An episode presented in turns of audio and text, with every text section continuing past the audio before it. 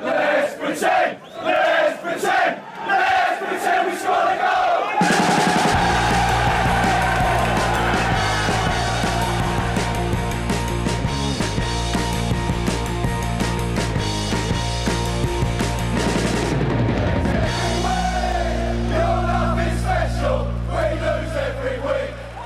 Dan före dan före dopparedagen har vi i kalendern och Sportbladets Premier League-podd är tillbaka. Har ju spelat fotboll, kommer spelas fotboll och ja, då är det ju läge att eh, titta till helt enkelt vad som har hänt i England. Var det psyk, kanske ni undrar? Jo, han eh, sitter och julpyntar sin altan eller dylikt och julfixar där hemma och har redan tagit semester. Men det har inte vi gjort, Kalle och Frida. Det finns ingen semester för oss, eller hur? Nej, nej. Det är julfotboll som eh, står på kalendern här. Precis, och vi har haft eh, strax innan julfotboll här i helgen som vi väl ska gå igenom här. Eh, vi tar väl helt enkelt bara matcherna ja, rakt i ordning som de spelades. Det har ju hänt väldigt mycket den här helgen. Många intressanta saker att prata om lite överallt på de olika arenorna. Och det började ju med ett rejäl smällkaramell. Crystal Palace, Liverpool 0-7. Hur, hur gick det till? Kan jag bara slänga ut frågan till att börja med. Ja, eh, ska jag ta den? Jag kan börja. Det var ju mm, dels en drömstart för Liverpools del som hade satt Mohamed Salah på bänken och istället eh, placerat Minamino i startelvan och han eh, började ju på bästa sätt genom att placera in 1-0. Och eh, eh, därifrån sen så tycker jag i och för sig att Pallas gör det bra. Eh, jag tror att de mellan straffområdena är de rätt nöjda med matchbilden där och eh, De är nog inte nöjda med Ayew dock. Nej, allt annat. Alltså, han var ju eh, liksom så som man förknippar med ett lag på undre halvan. Alltså, eh, du tar det till lägena ibland, men när du väl är där så gör du allt fel. Och han gjorde ju verkligen det. Och det var ju så, att han, Och så beklämmande att han gjorde upprepade gånger inom kort tid också. Så det blir så talande. Och sen i andra änden av planen så, så visar Liverpool liksom prov på hur man gör om man är ett av världens bästa lag och har världsklasspelare. Mané dundrar in bollen när han får läge att nypa till. Och sen kommer 3-0 där de bara liksom eh, springer sönder Palace som samtidigt blottar sig alldeles för enkelt. Liverpool gör allt rätt, Palace gör allt fel. Och eh, liksom...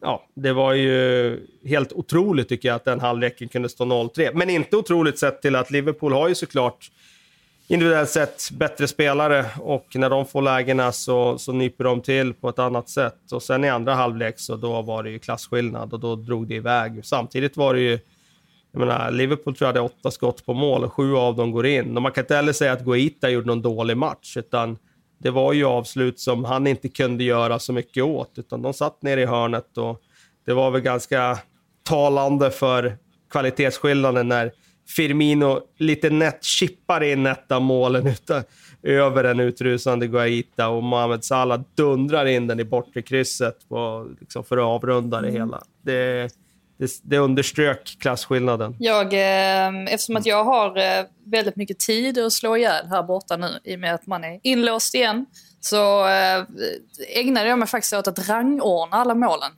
Vill ni, vill ni höra listan? Från, eh, från sista platsen och uppåt, tänker jag då. Så jag börjar med sjuan. Salahs 6-0-mål Nicken. ligger sist. Ja. Ja, alltså det var ju inget eh, flashigt med den så. Det var fint. Det var bra gjort av Matip och så vidare, men inte mer än så. Sen sjätte plats för minus 5-0. Jättefin framspelning från Salah. Alltså det var ju den här lilla chippen. Men eh, ja, alltså i konkurrensen fick den hamna där. Bara Eh, där alltså? Okej, ja. Ja, femman får mina minus 1-0 mål. Det är lite för att det är han. Men också för att det var en bra, bra aktion där precis innan målet. Att han skapar sig utrymmet, får iväg skottet och så vidare. Mina Minos mål är ju etta för mig av förklarliga skäl. Ja, så, det är jo, för att det är Jämfört med alla mål. du är lite... Ah, det är inget att snacka om. Det är inget att snacka Ja, om. du är inte, du är inte riktigt, inte riktigt uh, partisk där. Nej. Ehm, Nej. Fyran, Manés 2-0 mål. Bara för att, uh, vilken teknik ändå när han tar emot bollen och vänder upp och drar till. Alltså det är vackert. Fantastiskt avslut. Men Hendersons är lite vassare tycker jag. Det är nog också för att det är han. för att vi inte ser det hända sådär jätteofta. Men det är ju en väldigt bra träff han får. Och sen på eh, alltså näst överst då på min lista är Salas 7-0 mål. Um, just för att det är ännu bättre än Henderson. Så på första plats tycker jag faktiskt att uh, det här kontringsmålet, Firminos 3-0 mål, är snyggast ändå. Just med tanke på hur det byggs upp. Att Firmino inleder anfallet, hittar ut till Robertson. Robertson hittar tillbaka till Firmino. Jag gillar den typen av mål. Så den är överst för mig. Ni kanske inte håller med mig? Ja, men jag, jag köper det. Förutom min eh, partiska Minamino-fundering så absolut. Så det är någonting också med något 3-0 mål. Just 3-0 målet i sig tycker jag alltid i, i en sån här stor serie. Det finns något speciellt med det. För det är det som liksom skiljer en vanlig seger från en stor seger på något sätt. Och betydelsen av ett 3-0 mål. Jag vet inte om ni håller med Sista riktigt där i min fundering. Sista. Ja, men lite så. Och sen att de gör det på det sättet med den snabba kontringen. Allting bara funkar. Det är liksom Liverpool framgångsrecept bara liksom. Här, varsågod. Så här, så här kan vi spela. Och sen det här målet. Och att Firmino också får göra det. Ja, jag kan hålla med. Ja, alltså jag... Du håller inte med? Jag vill ha upp Firminos eh, chipmål högre upp. Ja, men de Det- var ju helt... Pallas var ju helt... eh, Ja, men jag tycker de, den är så nätt och fin hur han bara, liksom, bara lättar den över målvakten. Men lite för mycket träningsmatchmål, kändes det Ja, som. men det är just den där elegansen i den där chippen, det är den jag gillar. Lite högre upp. Men jag har ju ingen sympati heller för Minamino av liksom några sentimentala skäl här. Utan jag, jag, jag ser det krasst här nu kring målets liksom, elegans. Sen eh, tycker jag väl att, eh, nu är jag för mycket Lasse Lagerbäck här, men jag tycker McCarter eh, är ju för slarvig i den defensiva omställningen när Firmino gör det där omställningsmålet. Jag gillar ju inte att han liksom överger den centrala zonen och följer gubbe. Så att för mig är det bara tvåa och Salas etta. Men annars eh, tycker jag listan var bra. Men det är som sagt, allt handlar ju om vilken smak man har. Jag gillar ju distansskott och därför Salah bort krysset. Jag är svag för sådana. Ja, man ska aldrig fråga en tränare. Nu kommer du med dina Nej, men nu defensiva... pratar jag som eh, fotbollsromantiker.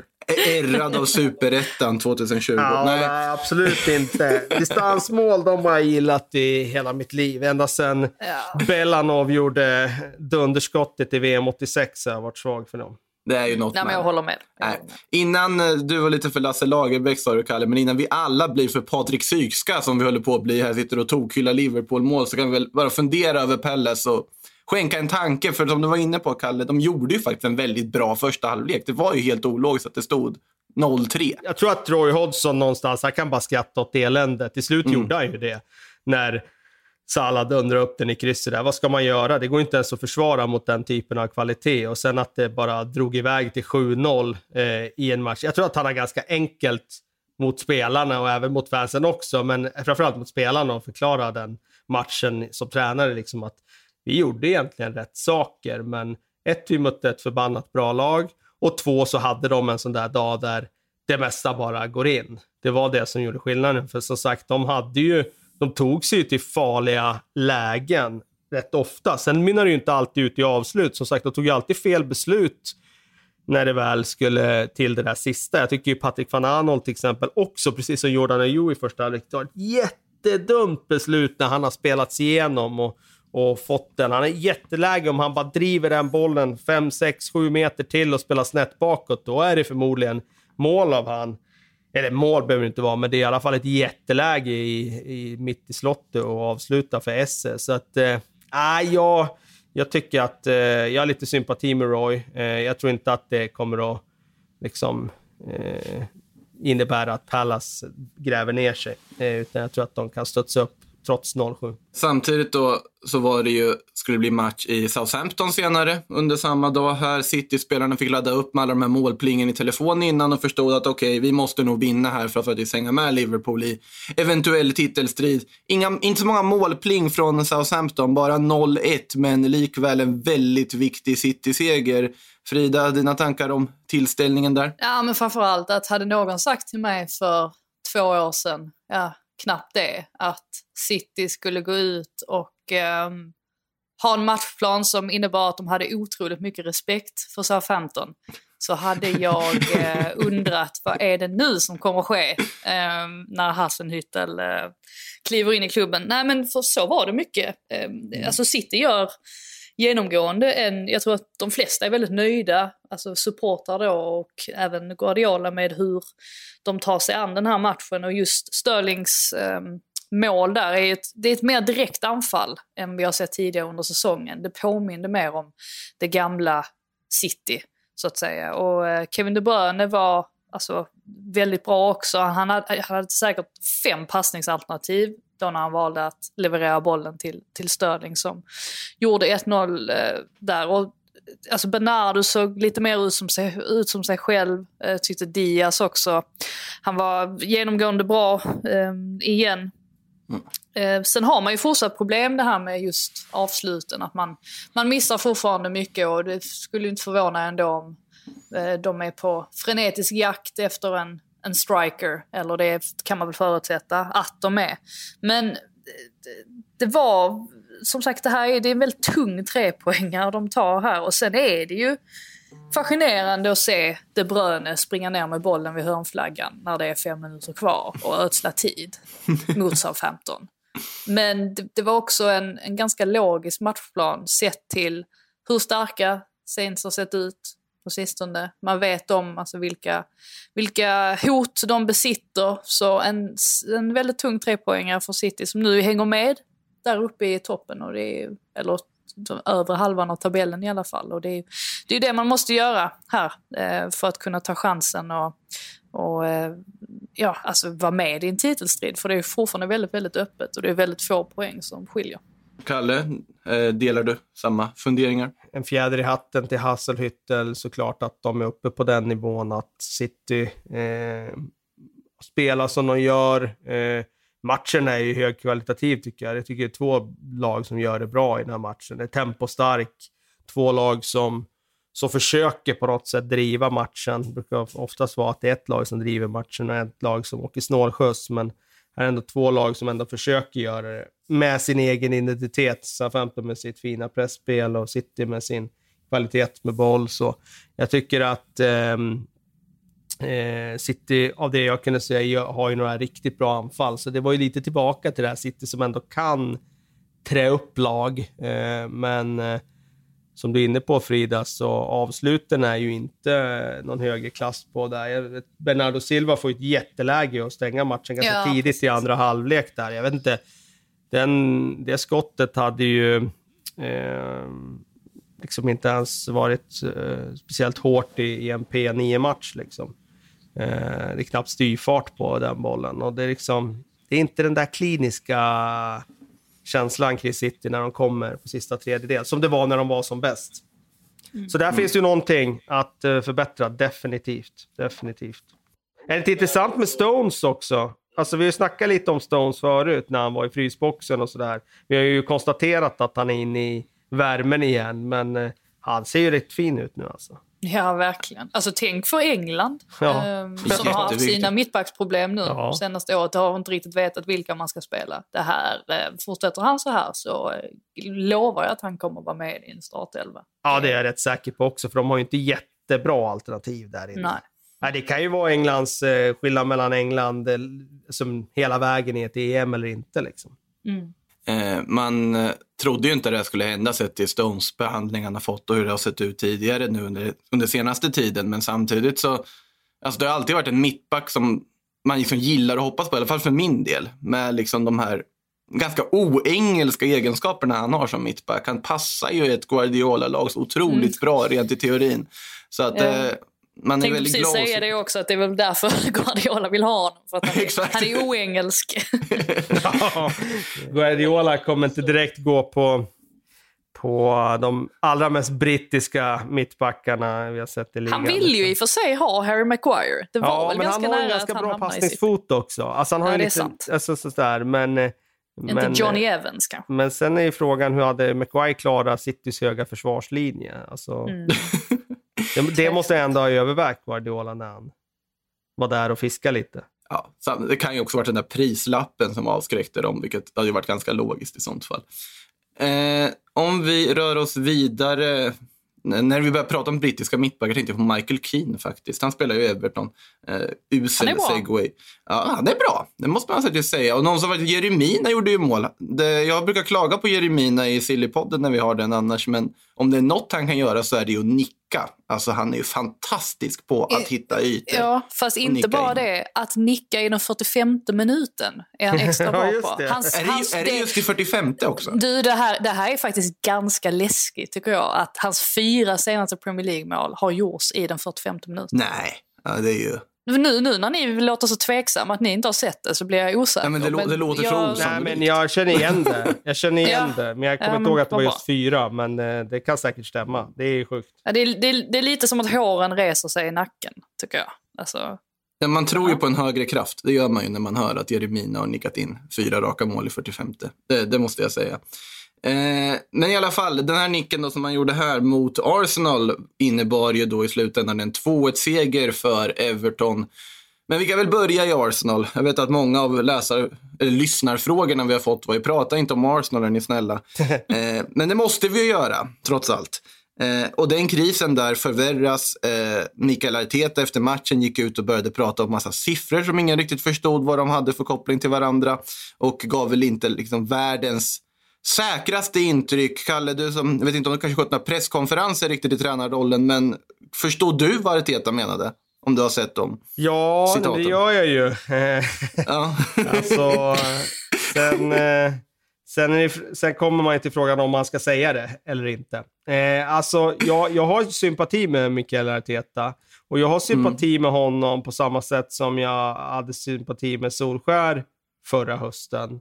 När eh, många var eh, liksom jagade efter honom väldigt intensivt och tyckte att han skulle ta skulden för Manchester Uniteds eh, debacle. Jag, jag tycker att det går att dra en parallell. Jag, alltså jag tycker inte att Arsenal har ett lag som är tillräckligt bra för att vara ett topplag, förväntas styra matcherna helg efter helg och då bara städa undan lag. Jag, ty- jag tycker inte det. Det är inte min eh, känsla när jag ser de här spelarna att de är liksom är deras startelva så mycket bättre än Evertons? Nej, jag tycker inte det. Är den så mycket bättre än eh, än eh, Leicesters. Nej, jag tycker inte det. Men de klubbarna har inte den här förväntan på sig varje vecka att de ska styra och driva matcherna. Och jag ty- tycker det att det, det är det svåraste som finns, tycker jag, när man kommer i det här. Det som Manchester United var förra hösten och Arsenal också, att man, man jämförs hela tiden med fornstora dagar.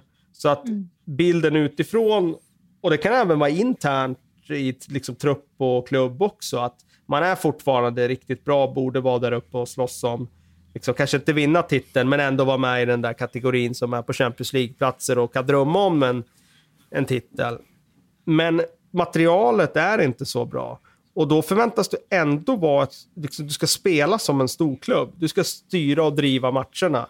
Och det är det svåraste som finns. Och när man dessutom då, när det går lite emot och man tappar självförtroende och sådär, då har man en jätteuppförsbacke. Och, eh, så jag har sympati med honom. Jag tycker att det är eh, en ganska svår uppgift. Då kommer nästa fråga så här. Är inte tränaren ansvarig för resultaten? Jo, självklart är tränaren ansvarig för resultaten. Självklart hade det gått att göra bättre resultat med, det här, med den här Arsenal-truppen. Men jag är inte säker på att det hade gått att göra så mycket bättre resultat om man inte hade spelat en helt annan fotboll. Alltså anpassat fotbollen mer efter truppens eh, liksom, kvalitet. Och då hade de inte haft den här eh, ja, men positional play eh, som fanatismen. Liksom, Att de ska stå i- still i positioner och bara skapa numerära överlägen här och där och trä upp motståndare. Så bra är de inte. Jag tycker inte de är det. Eh, så att då får man ju titta på rekryteringen och så vidare. Alltså var det rätt tränare för just den här situationen som Arsenal befinner sig i, när de inte har en superbra trupp i mina ögon. Eh, de har en bra trupp, men inte lika bra som konkurrenterna där uppe i toppen. Det tycker jag inte. De ska vara någonstans på plats 68. Där någonstans är deras trupp. Nu är de ju såklart längre ner i tabellen, men det tycker jag är ett liksom... Det står, sorterar jag in under eh, utmaningen i att förväntas driva matcherna när man inte har material för det. Eh, oförmåga, eh, formsvacka och lite otur. Och då kommer vi in på hans siffror. Ja, jag tycker faktiskt att det finns någonting i det han säger. Att eh, de här senaste matcherna ska inte Arsenal förlora. De ska inte förlora hemma mot Burnley. Jag tror inte de ska förlora den här matchen hemma mot Everton. Om man spelar den här matchen x antal gånger och ha lite mer kvalitet där framme som de här spelarna kanske har om de har normalt självförtroende, då tror jag att de vinner den här matchen mot Everton. Uh, och han ser ju det då som ett tecken på att det finns där någonstans. Och det tror jag att det gör, men jag tror inte det finns tillräckligt mycket för att bara segla upp i tabellen. Inte, inte längre än att de uh, hamnar på, på övre halvan och liksom snuddar vid Europa League-platser. Bättre än så tror jag inte att det kommer bli. Alltså, jag håller ju med. Funderar jätteintressant att lyssna på. Men alltså jag tänker att det som är så oroväckande när det kommer till just Arsenal är ju det här med att om vi backar bandet några år till liksom precis efter Wenger-eran, eller slutet av Wenger-eran, så var problemet att vi måste ta oss tillbaka till Champions League och bli en toppklubb igen. För det var man ju inte när Wenger slutade. Man låg ju precis där. Man slogs kanske om Champions League-platsen i början av säsongen och sen föll man ihop och fick nöja sig med Europa League. Det var ungefär där på något sätt Arsenal hade hamnat om man skulle jobba sig tillbaka. Under de här senaste året i princip med Arteta så har ju målsättningen blivit någon helt annan. Att vi börjar titta på ett Arsenal som är målsättningen vi ska, vi ska ta oss till och kunna kämpa om Europa League-platser. Jag tror inte målsättningen är, man... är det från, så från klubb och så, utan jag tror att den här säsongen gick man nog in och tänkte att man ska ta en Champions League-plats. Mm. Visst är det så mm. Frida? Det var väl där ja. målsättningen var. Så var ju snacket inför Absolut. säsongen. Men om, om, man tittar, om man tittar på de realistiska målsättningar sett i truppen, jo, men alltså får inte glömma bort heller att de klev ju ändå in i den här säsongen som fa cupmästare till exempel. De besegrade flera av de här alltså, topplagen eh, under en väldigt kort period för inte så länge sedan. Den här alltså riktiga jäkla nedmonteringen har ju skett ganska snabbt ändå. Alltså det var, när var det? Var det första november som de mötte Manchester United på bortaplan och vann med 1-0? Allting var ja, frid och fröjd. Ja, något sånt var det. Mm. Så det har ju gått väldigt snabbt. Så därför tror jag att det... Eh, givetvis kan man liksom eh, kasta sig tillbaka och kolla på rekryteringar och det här att man har bytt ut folk i styrelsen sen i princip Wenger lämnade. Det har ju inte skötts bra, absolut. Men det är ju också... Jag, jag tror definitivt att det har med saker att göra som har skett utanför. Alltså saker som skaver i omklädningsrummet till exempel. Mesut Özil-situationen, Sokrates-situationen. Det är ju uppenbart att det är den typen av grejer som har gjort att humöret har säkert sänkts. Sen har man åkt på de här, fått lite oflyt, åkt på något rött kort som har gjort att, ja men som matchen mot Leeds, att då, liksom den matchen är död i princip, får ändå med sig en poäng men det spelar ingen roll för ett sånt lag som Arsenal. Och så har det bara rullat på, så snöbollseffekt. Så att jag kan ändå se varför man hade en en målsättning på en Champions League. Ja, det, det håller, jag, det, håller, det håller jag med Det håller jag med Ja. Alltså, jag tror... Det, ja. jag, jag, köper att eh, från klubb och från omvärld så ska liksom, då är det naturligt att målsättningen var en Champions League-plats. Men jag tycker problemet är att när man, när man förväntas att vinna matcherna med ett sätt att man ska vara liksom Liverpool eller Manchester City. Mm då har man problem. Och det, jag tyckte det var exakt den känslan jag hade förra hösten, hösten med Manchester United också. Då hade Solskjaer jättemycket skador att brottas med. Han fick spela med Jesse Lingard och han fick spela med Andreas Pereira. Men det var fortfarande liksom förväntningarna utifrån är liksom att ja, men varför vinner ni inte matchen och spelar bra? Exakt. Alltså, ja men kan du göra det om du inte har bättre spelare än motståndaren? Det är ganska svårt.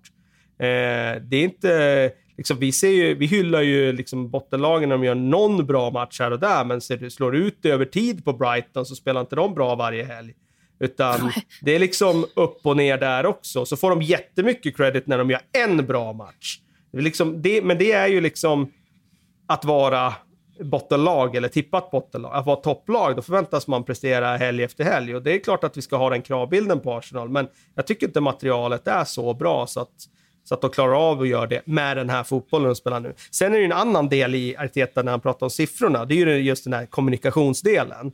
Även om XG-siffrorna visar att de borde ha vunnit fler matcher senaste två månaderna så är det inte säkert att man behöver säga det. För att det handlar ju mycket om idag vad man kommunicerar, hur man kommunicerar och hur det tas emot. Och det har ju inte tagits emot väl att han pratar på det sättet. Utan den här situationen behöver man kanske hantera på ett annat sätt rent kommunikativt. Eh, och där sätter jag nog ett frågetecken kring om hans kommunikation i det här läget förvärrar situationen. Det kan vara så. Och mm. då ger han ju sig själv ännu större problem, tyvärr. För det här är ju också en klubb som och som vi vet med Arsenal Fan TV och sådär, har en tendens att eh, ja, det, det blåser rätt mycket i opinionerna hit och dit och de påverkar också. Eh, eftersom de har så enormt mycket fans runt om i världen så kommer opinionen att påverka både laget och, och även de styrande tror jag. Fast jag ser ändå, jag ser ändå en skillnad på liksom det Solskär United när man kritiserade Solskär för att United inte kunde föra matcher i början kopplat till liksom det här Arsenal. För ja, en fa titel absolut, det var jätteviktigt för Arsenal att få det, få någon form av vinnarkultur tillbaka eller åtminstone ett uns av det via den här cuptiteln. Men det frångår inte det faktum att vi förra säsongen satt och funderade, men kan verkligen Arsenal åka ur? Kan det gå så långt? Vi trodde inte det skulle kunna ske. Det skedde inte. Man spelade upp sig. Men vi satt ändå och hade den funderingen. Det hade gått så pass långt att vi ändå Fast satt hade och... vi verkligen Nej, den det hade funderingen? alltså, Jag hade Alltså, inte... ingen hade inte seriös, men att vi såg... Ja, jag tror att den ändå, jag hade den. Och jag vet att andra har haft den också. Men, och, så, och sitter vi ännu en säsong här nu där Arsenal ligger på den undre halvan av tabellen. Man har närmare till nedflyttningsstrecket än till Europastrecken. Och man funderar, kan det ske? Nej, det kommer inte ske det här året heller. Så illa kan det inte gå. Men det är för dåligt för att vara Arsenal helt och hållet. Och problemet här är ju att ja, du, man kan inte förvänta sig att de alltid ska kunna spela grimla, glimrande fotboll och föra matchbilder. Men man kan däremot förvänta sig att de skulle kunna försöka ta fler poäng än vad de har gjort. Även om truppen inte är bra nog för att slåss om Champions League-platser, absolut, så är den ju på tok för bra för att ligga där de ligger. Det är lite det jag ville komma in på. Ja, för jag tyckte de var ganska bra efter, eh, alltså efter pandemiuppehållet. De åkte på några smällar, bland annat Brighton borta. Men det var ju också såna här små, där såg vi återigen det här med attityd. Eh, det var ju där Guendouzi tappade helt på Mopé och Mopé fick liksom sista ordet i den matchen. Det var också, ja och sen så den här alltså freakshowen mot Manchester City borta. Alltså den typen av bottennapp man åkte på, men i övrigt så var de ju inte, de tog ganska många tunga segrar där. Eh, Så att jag hade aldrig i alla fall några tankar om att det är klart att de underpresterade sett till var de hamnade i tabellen. Alltså helt klart. Men jag hade inte tanken någonsin att det skulle kunna bli så illa som det ser ut just nu i dagsläget. Nej, nej, nej. Verkligen inte. Verkligen inte. Men det är För samtidigt är det när det illa. har blivit. Ja, precis. För det är när det blivit så här illa som man måste börja fundera. var väl lite det. Jag tänkte, nåväl, vi... Arsenal har det tufft, kan vi ju sammanfatta Ja, det som. vi måste ju faktiskt Ja. säga eh, ett gäng grejer om Everton också. För att Det ska vi göra. Äl, ärligt talat så, ja, alltså, ärligt talat så tycker jag att de imponerar mycket mer nu än vad de gjorde eh, inledningsvis på säsongen, trots att det såg så bra ut då också. De är väldigt stabila defensivt just nu, vilket man inte trodde. Uh, inte för att Dinj är liksom... Man tänker inte defensiv när man hör hans namn, men man trodde att de skulle bli betydligt mer lidande av att han inte fanns offensivt. Men Ben Godfrey har ju varit superb. Gör ju det otroligt bra i den här matchen också. Och det är ju frågan sen, alltså hur ska man kunna peta honom efter detta? Tänker man. Eh, Keen, Jeremina, jättestabila. Eh, Sigurdsson i nummer Tänkte 10-rollen precis var väldigt honom. intressant också. Att han har fått en chans nu att spela där, har också sett väldigt bra ut. Eh, så Dominic Calvert-Lewin som jag tycker ständigt hittar nya dimensioner i sitt spel. Jag tycker i alla fall att det här var hans bästa match sett till hans spel utanför boxen. Alltså man såg att han, han kan göra mer än bara vara en måltjuv där inne och peta in bollarna. Eh, alltså vilken otrolig utveckling han har haft eh, det senaste året. Så eh, nej, det är väldigt skickligt av Ancelotti att kunna vända den negativa trenden som ändå fanns när man började tappa de här nyckelspelarna. Att han har hittat ett sätt som fungerar och eh, det är bara att se nu hur det kommer att bli när spelarna börjar komma tillbaka. Coleman tillbaka nu ju. Det är ju positivt för dem att han finns att tillgå. Men Chamez till exempel, hur blir det då? Eh, Så att, nej, de, eh, jag är ruggigt imponerad av dem. Ja, håller helt och hållet med. Just eh, nämnde ju Sigurdsson där också. Man har ju skrattat mycket åt den värvningen genom åren och funderat vad de höll på med. Men han eh, levererar här och nu också. Det blir inte helt lätt. Nu ska ju såklart Chamez in när han är tillbaka, men få in båda där blir ju ganska svårt att göra. Så vi får se hur Ancelotti resonerar. Han har i alla fall möjligheter att rotera och eh, skifta runt i laget och har en väldigt intressant trupp som kan göra väldigt intressanta saker den här säsongen. Ja, alltså Si- Sigurdsson passar ju inte på alla positioner. Det är det som är grejen. Alltså, Nej. uppenbarligen ska han ju vara i den här positionen och här får han ju inte spela speciellt ofta. Nej. Ehm, Men ja, det är som sagt, han har gjort det bra. Förresten Frida, nu fick ju Enketia spela där ju. Ja, det gick ju jättebra, eller hur? eh, nej, man kanske ska nämna det också med Arsenal, att eh, Martinelli fick ju hoppa in också. Ja. Men det gick ju en del rykte eftersom att han inte var med i, i reservlaget där dagen innan när de spelade match. Han var inte med i truppen. Då kunde man ju tänka sig att han, det är ju möjligt att han kanske får chansen. Och han såg väl ringrostig ut, men där sitter de ju, om man tänker tillbaka på hur Martinelli var för exakt ett år sedan, så var han ju på väg mot att bli riktigt, riktigt bra. Så där sitter de ju på ett sparkapital. Han är säkert hungrig på att visa vad han, vad han kan. Men eh, nej, det, det var väl inte... Det är väl det här också att det, det är lite för enkelt att spela mot Arsenal just nu. Man vet exakt vad de kommer att göra varenda match. Alltså motståndaren kan bara, de bara liksom luta sig tillbaka och vänta på att de ska göra första draget. Och sen så kommer det något misstag, fast situation i det här fallet. Ett självmål verkar ju vara också en trend som har satt sig i Arsenal. Det, det var skickligt gjort av Everton, men samtidigt så är det ett underbetyg återigen till, till Arsenal att de är så lätta att läsa. Sen är det ju, det är ju inte lätt heller om man eh, som Arsenal får den här stämpeln att man eh, ändå för matcherna. Och sen eh, har man ju jätteproblem i boxen. Där är man ju inte starka. Motståndaren liksom landar i att bara vi centrerar på egen tredjedel så kommer Arsenal ha det tufft. Och då står de bara och skifflar in de här inläggen. Och Arsenal när de var som bäst på kombinationsspelet runt straffområdet med ja, men, när de hade de där spelarna som bara kunde såga upp det där med Ramseys andra vågslöpningar, Girouds felvända spel, och Wilshire och, så vidare, och Özil såklart och så vidare. Då spelar det ingen roll om laget, motståndarna stod centrerad, men nu känns det som att det räcker ganska långt att bara stå i eget straffområde som Arsenal ställ, eller förlåt, Everton ställde dit sina stora mittbackar nu och de kunde bara, ja men, håll dem utanför, stå och nicka undan. Det blir inte så farligt. Trots att Arsenal, de parkerar ju i andra halvlek stundtals på offensiv planhalva. Mm.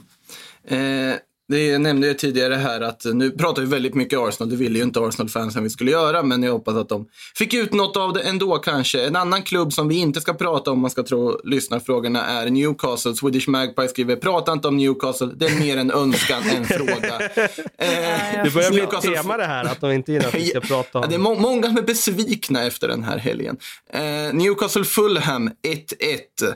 Eh, finns det något att säga om den då? Eller ska vi följa? Ja, nej, men det finns väl. Vi kan väl prata om Matt Richies eh, självmål som är ett av de eh, alltså, något av det värsta man har skådat. Det är ett sånt där mål där man, man kan inte sluta skratta. Och man Och det vet här har inte jag den- sett. Nej, man vet ju att den stackaren, han skrattar väl antagligen inte åt det, men eh, någon gång måste han göra det efter karriären kanske, för att det var ju, det, han får ju bollen i ansiktet och kan inte, alltså han hinner inte reagera och det rullar in i mål. Det, Jag skrattar bara jag tänker på hur det ser ut. Ja, att det ha var, det var riktigt, det var riktigt tungt. Sen var det ju, eh, det här var ju en match där, alltså man måste ändå börja prata om Fulham nu på, alltså på allvar. Då menar jag ju att det här är ett lag där vi, som vi trodde skulle liksom ligga nere i, alltså som var givna att de skulle åka ur. Men jag börjar undra om det inte är så att de faktiskt har bäst, störst chans att klara sig kvar av dem nu som vi har där nere längst ner. Jag räknar inte in Arsenal då, än. Det kanske kommer. Räknar vi in Eh, Burnley nej, alltså, nej, jag räknar nog in Burnley att de kommer ha det ganska tufft Okej. över säsongen, även om de nu tog en stark eh, seger. Men vem vet, det kommer hända tusen grejer innan, eh, innan den här säsongen är över, känns det som. Nej, men Fulham har verkligen, alltså säga vad man vill om Scott Parker, men han har ju eh, han har ju verkligen fått rätt på dem om man jämför med premiär, premiären mot eh, Arsenal. Eh, alltså när vi såg Reem och Doy då i mittförsvaret. Eh, han är ju i alla fall väldigt handlingskraftig som direkt insåg att det här kommer inte fungera. Eh, plockar in eh, ett, får in ett nytt mittbackspar, bland annat då Andersen, som blir utvisad i den här matchen efter att Fulham har eh, alltså dominerat fullständigt. Och eh, jag förstår inte var domaren hittar den utvisningen ifrån. Jag förstår inte var han hittar straffen heller. För att påstår ju då att, jag antar att det är att domaren tycker att Andersen drar Callum Wilson i tröjan. Och det gör han lite grann, fast det är ju utanför straffområdet. Och sen, eh, Callum Wilson faller ju eh, ganska grovt, alltså förstärker på egen hand. Och, eh, vilket då gör att Fulham kan eller ja, tappar ju två poäng i princip. Och efter utvisningen, ska sägas också, så är det fortsatt Fulham som styr och ställer matchen. Så att de kan ju uppenbarligen inte ha varit nöjda med det. Eh, fortsätter imponeras av Angissa, alltså han är ju verkligen nyckeln i det här. Eh, det märks. Eh, Luckman som visserligen alltså, har en tendens att missa lite ibland, men man behöver ju en sån typ av spelare också som ja, men som kan stå för den där lilla kreativiteten där framme. Uh, så jag tycker och verkligen vågar fulla... försöka chippa en straff i sista minuten. När det Nej, det kan han väl sluta göra. Uh, ja, det, det är var bra. Det är två, tvåeggat svärd, kreativitet. Ja, nej, men Lemina var bra i den här matchen också. Jag bara säger det att vi ska nog hålla lite koll på Fulham för att mm. de håller på att se betydligt bättre ut än vad vi nog trodde att de skulle göra. Och Newcastle, det gick ju lite, det här var också intressant att hade en kollega som sa i en podd att eh, började prata om det här ryktet att eh, Sam Maximan och Steve Bruce skulle ha bråkat och, att det, och Lascelles också, att det är därför de två Eh, inte spelar eller inte har varit med i truppen. Och eh, det här uppskattade inte Newcastle och eh, krävde då att den här biten skulle klippas bort i podcasten och sen så eh, gick Steve Bruce, Bruce ut nu och sa på presskonferensen igår att de här båda spelarna, Sam Maximan och eh, Lascelles, har alltså lidit oerhört mycket av eh, sviterna efter covid-19 då. Såg ju även att Emil Kraft hade drabbats av det. De hade ju jätteproblem med det och vi minns ju att match, eh, deras ena match där mot Aston Villa var det väl som sköts upp. Um, och de ska alltså fortfarande ha jätteproblem med detta, vilket är trist. Och där ser man ju också att man kanske ska ta det där viruset på allvar också med tanke på att det är ju två herrar som eh, bör vara i ganska god fysisk eh, form. Så att, eh, nej, det är inte kul nu för Newcastle. Och jag tror att det är ganska... Steve Bruce borde vara tacksam av att det inte finns några, någon publik på läktaren. För att det här hade de inte gillat att se, det kan jag säga. Men eh, tror vi på den där, du som är där och känner lite på gator och torg, vad, vad det snackas om på pubbarna. Tror vi på den där versionen där med covid? Är inte pubbarna stängda? Lasell och Sam Maximan. Tycker du inte det vore otroligt groteskt att hävda alltså någonting? Alltså han pratar, Steve Bruce berättar ju om att Sam Maximan orkar bara vara uppe en halvtimme och gå. Och sen klarar han inte av det mer. Alltså det var liksom den ja, typen nej, det, av detaljer. Nej, då, då, är det ju inte... Då, nej, då är det, det nog så. Då är nej, det, vi, vi jag, får jag tro högre inte... om Steve Bruce än att ja. han skulle hitta på en sån anledning. Det, tycker ja, det, vore, det vore konstigt att, att ja. ljuga eh, om det, kan jag tycka. Men eh, sen skulle det inte förvåna mig om spelarna börjar tröttna på att det ser ut på det här sättet för att det, det finns ju, det är ju helt, alltså, det finns ju ingen själ i någonting de gör. Det är ju helt innehållslöst. Men är inte det Newcastle sammanfattat under de senaste typ Jo, men jag tycker nästan det har varit ännu värre Nej, på det, Där var du hård tycker jag, Makoto. Vadå Newcastle? Alltså det här är ju en av de genuina klubbarna i Premier League, tycker jag. Nej, men alltså, jag, men, nu pratar jag rent fotbollsmässigt. Jo, under, jag pratar fotbollsmässigt och, hur de spelar. In, inte i hur de är som klubb, utan hur Nej, de ser förstår, ut på planen. Men, men de har ju varit genuina historiskt. Alltså, fan, det är entertainers på 90-talet och sen om vi går på nu på nutid så jag menar, de hade ju en identitet under Rafa med deras disciplinerade defensiv. Så. Sen, ja. det är väl nu under Bros som de har blivit ganska ja, fast, jag menar, som alltså, tänk tillbaka. Som de har överpresterat enormt. Ja, men tänk tillbaka. Förra säsongen ändå, alltså det var ändå rätt många gånger där vi satt och sa att ja, men nu måste vi ändå tänka om. Alltså, Steve de har ändå lite Ja men det var ju i och för sig ofta Saint Maximan kanske då som, eh, som höll ja. i det och, och, så att det såg ganska bra ut ändå. Men det har man inte sett nu de senaste månaderna. Nu har det varit oerhört platt match efter match. Och så kommer den här, eller vi är mitt inne i den här hektiska perioden nu. Um, nej, det, det, är inte mycket som går med Newcastle just nu. Fast deras styrka förra säsongen var främst att de lyckades få med sig resultat även när de till synes på alla sätt och vis inte borde ha fått med sig resultat. Ja, fast så har det väl mest varit under, ja, och så har det mest varit under hösten, alltså fram tills det började gå knackigt igen. För så såg det ja. ut då, alltså till exempel att man får med sig poäng eh, från Tottenham. Det skulle man ju inte ha haft, alltså där har man ju tur. Liksom, att Andy Carrolls nick tar på Eric Dyers arm till exempel. Så att, sådana har vi ju sett, alltså smash and grab, poäng och segra. Eh, och det såg vi väl förra säsongen också. Men jag tyckte ändå att det fanns en lite jämnare nivå förra säsongen jämfört med vad det har funnits nu på sistone. En fråga till dig Frida, för mig som inte såg matchen. Sean, Long Sean Longstaff fick ju chansen nu. Hur såg han ut? Ja, jag tänkte inte så mycket på honom eh, faktiskt. Eh, alltså de hade ju inte så mycket Kanske inte hade bollen så mycket. Nej, alltså det, det är ju det som, var, det som var grejen med den här matchen. Att, att Fulham, var, Fulham var alltså en man mindre. Men var ändå alltså så mycket bättre. Sen kollar man liksom målchanser och sådär så är det ju ganska jämnt. Ja, det är inget bra betyg. Nej, alltså målchanser så är det ganska jämnt. Men, Ja. men Fulham ska ju gå härifrån och vara missnöjda med att de inte får med sig tre poäng. Om man säger så. Och det var Scott Parker ganska tydlig med också efter matchen. Eh, på tal om det med smash and grab-segrar så är ju Brighton bedrövliga på det i alla fall. Eh, 1-1 mot Sheffield United. De har alltså 21-5 i målchanser. 13-2 i chanser från liksom öppet spel. Och de får 1-1 hemma mot Sheffield som alltså har tagit en poäng inför den här matchen. Brighton kan verkligen inte göra mål. Frida, vi måste väl vävas in en striker, eller? Alltså den här... ehm, det är nästan så att man ser det lite som en förlust faktiskt, den här matchen. Eh, det var... ehm, Ja. ja, man såg ju exakt alla problem som Brighton har. Ehm, um, sett över 90 minuter. Um, alltså inleder ju väldigt matchen väldigt bra, eh, först och främst. Då.